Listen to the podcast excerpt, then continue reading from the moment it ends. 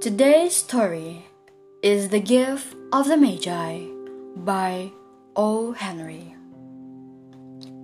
One dollar and eighty-seven cents. That was all. And sixty cents of it in the smallest pieces of money. Pennies. Pennies saved one and two at a time by negotiating with the man at the market who sold vegetables and meat. Negotiating until one's face burned with the silent knowledge of being poor. Three times Della counted it. One dollar and eighty-seven cents. And the next day would be Christmas. There was clearly nothing to do but sit down and cry, so Della cried, which led to the thought that life is made up of little cries and smiles, with more little cries than smiles. Della finished her crying and dried her face. She stood by the window and looked out unhappily at a gray cat walking along a gray fence in a gray backyard. Tomorrow will be Christmas Day, and she had only one dollar and eighty-seven cents to pay her husband, Jim, a gift.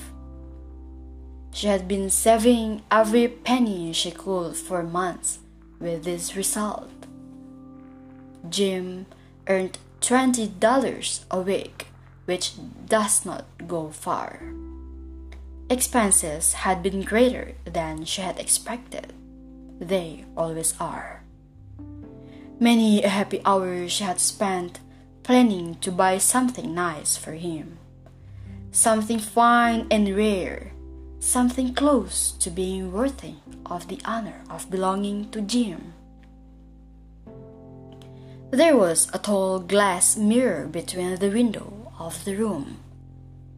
Suddenly, Della turned from the window and stood before the glass mirror and looked at herself. Her eyes were shining, but her face has lost in its color within 20 seconds. Quickly, she pulled down her hair and let it fall to its full length. Now, Mr. and Mrs. James Dillingham Young had two possessions which they valued. One was Jim's gold timepiece, the watch that has been his father's and his grandfather's. The other was Della's hair. Had the Queen of Sheba lived in their building, Della would have let her hair hang out the window to dry, just to reduce the value of the queen's jewels. So now Della's beautiful hair fell about her, shining like a brown waterfall. It reached below her knees and made itself almost like a covering for herself. And then quickly she put it up again she stood still, while a few tears fell on the floor. She put on her coat and her old brown hat. With a quick motion and brightness still in her eyes, she danced out the door and down the street. Where she stopped, the sign read, Madame Sofronie, her goods of all kinds.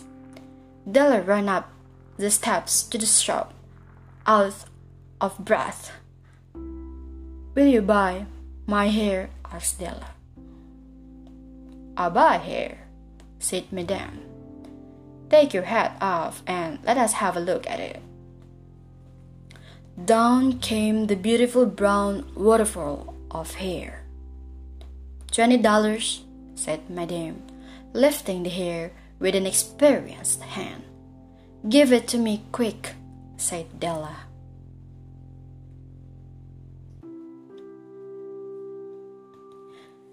The next two hours went by as if they had wings. Della looked in all the stores to choose a gift for Jim. She found it at last.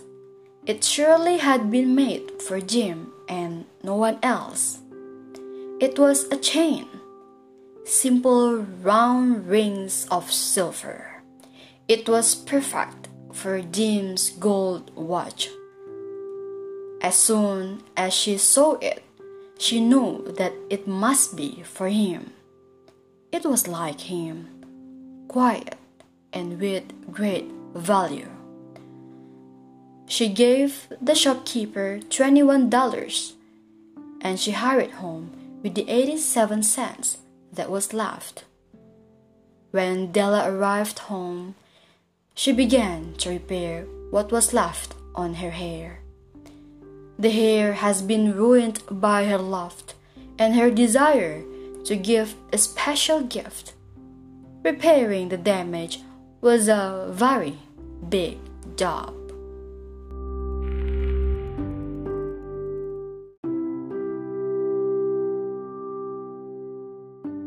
Within 30 minutes, her head was covered with tiny round curls of hair that made her look wonderfully like a schoolboy. She looked at herself in the glass mirror long and carefully. If Jim does not kill me before he takes a second look at me, she said to herself, he will say I look like a song girl. But what could I do? Oh, what could I do with one dollar and eighty-seven cents?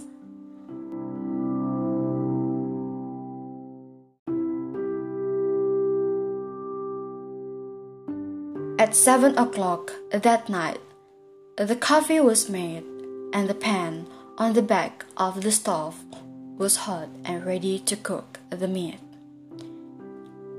Jim was never late coming home from work.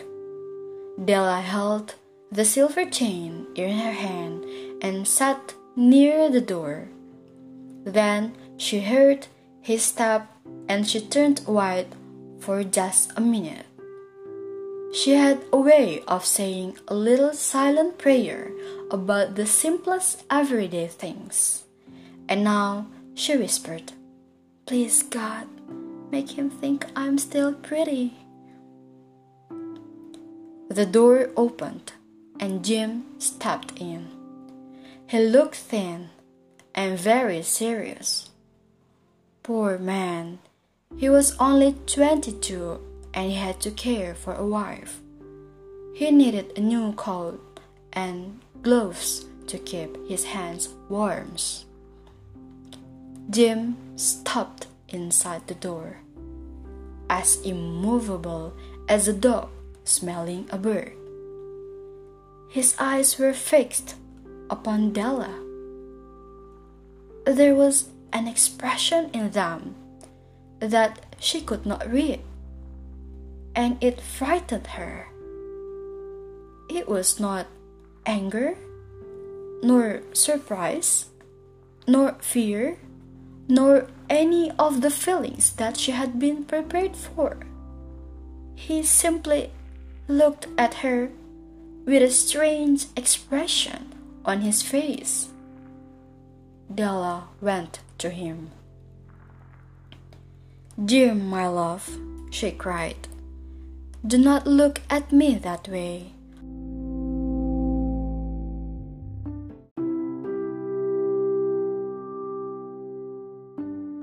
I had my hair cut and sold because I could not have lived through Christmas without giving you a gift. My hair will grow out again. I just had to do it. My hair grows very fast. Say Merry Christmas, dear, and let us be happy. You do not know what a nice, what a wonderful, beautiful, nice gift I have for you. You have cut off your hair? asked Jim. slowly, as if he had not accepted the information, even after his mind worked very hard. Cut it off and salt it, said Della. Do you not like me just as well? I am the same person without my hair, right? Jim looked about the room as if he were looking for something.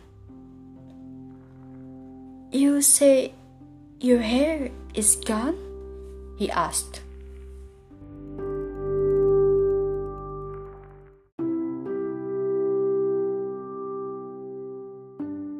You need not look for it, said Della.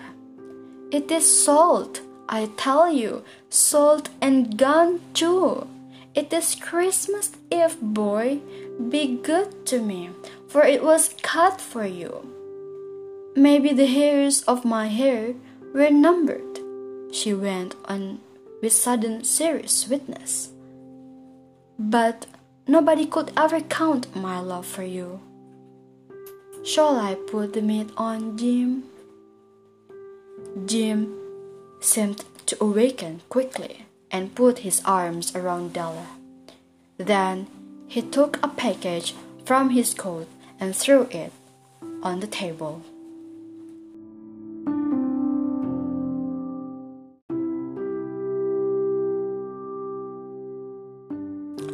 Do not make any mistake about me, Dell, he said. I do not think there is any haircut that could make me like my girl any less. But if you will open the package, you may see why you had me frightened at first. White fingers quickly tore at the string and paper. There was a scream of joy and then, alas, a change to tears and cries, requiring the man of the house to use all his skill to calm his wife. For there were the combs, the special set of objects to hold her hair that Della had wanted ever since she saw them in a shop window beautiful combs made of shells with jewels at the edge. Just the color to wear in the beautiful hair that was no longer hers.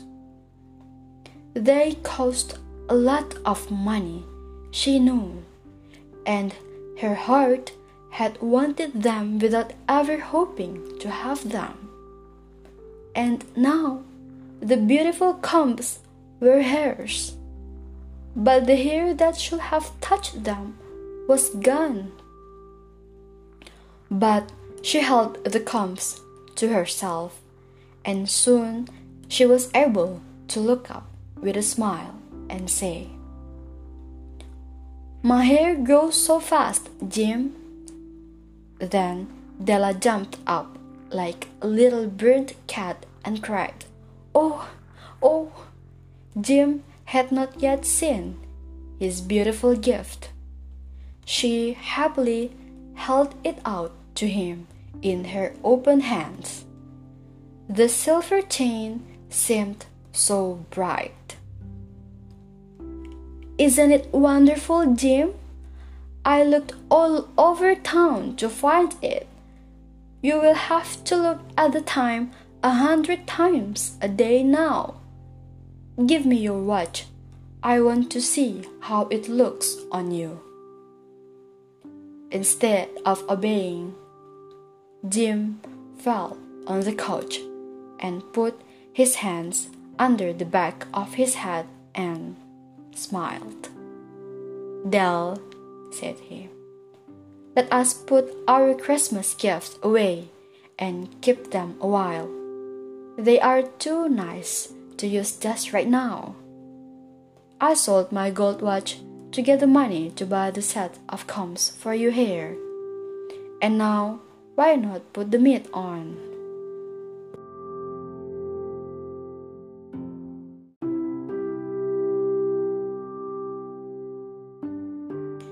You have heard the gift of the Magi. by O. Henry.